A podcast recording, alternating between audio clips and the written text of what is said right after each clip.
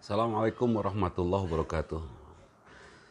Sahabat, 17 kali minimum sehari semalam saat kita sholat wajib mengucapkan kalimat doa Ihdinas surat al-mustaqim. Tunjuki kepada kami jalan yang lurus. Jadikan kami orang istiqomah dalam jalan yang lurus. Quril maghdubi alaihi waladhdallin, bukan jalan jalannya orang-orang yang uh, dimurkai dan tersesat, bukan jalannya orang Yahudi atau Nasrani apalagi yang lain. Sudah al-Islam saja. Istiqomah. Istiqomah bukan sesuatu yang sederhana, berat. Sangat serius istiqomah itu bahkan keistiqomahan seseorang dalam melakukan kebaikan akan membuat dia terjaga dan mengurangi keburukan-keburukan pada perilakunya. Karena itu bangun istiqomah pada diri kita. Misalnya saya sudah istiqomah nih membaca Quran, terus konsisten ya setiap saat baca Quran setiap hari. Sebut saja satu hari 100 ayat atau sederhananya 50 ayat. Maka nanti kita akan merasa bahwa Quran itu sudah mulai ringan terasanya. Nanti kita akan nambah dengan sholat rawatib. Rawatib terus kita lakukan nanti itu akan terasa ringan. Nanti akan nambah lagi dengan yang lain bahkan kesempatan-kesempatan berdosa pun akan hilang.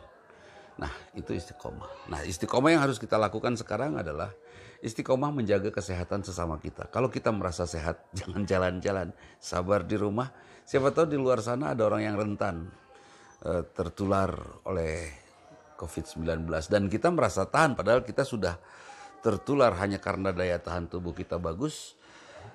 Kita jalan, kemudian menularkan sakit kita kepada orang lain dan orang lain menjadi sulit karena kita sabar. Ya.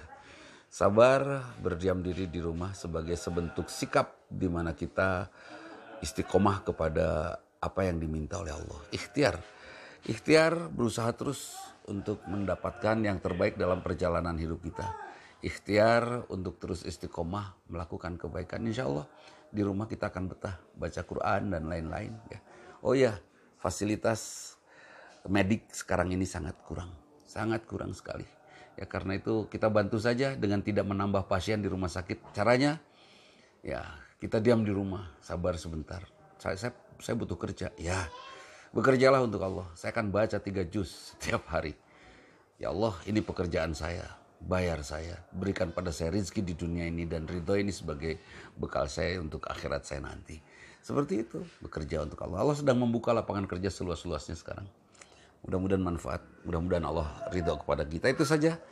Mohon maaf. Aku qouli hadza wa. Assalamualaikum warahmatullahi wabarakatuh.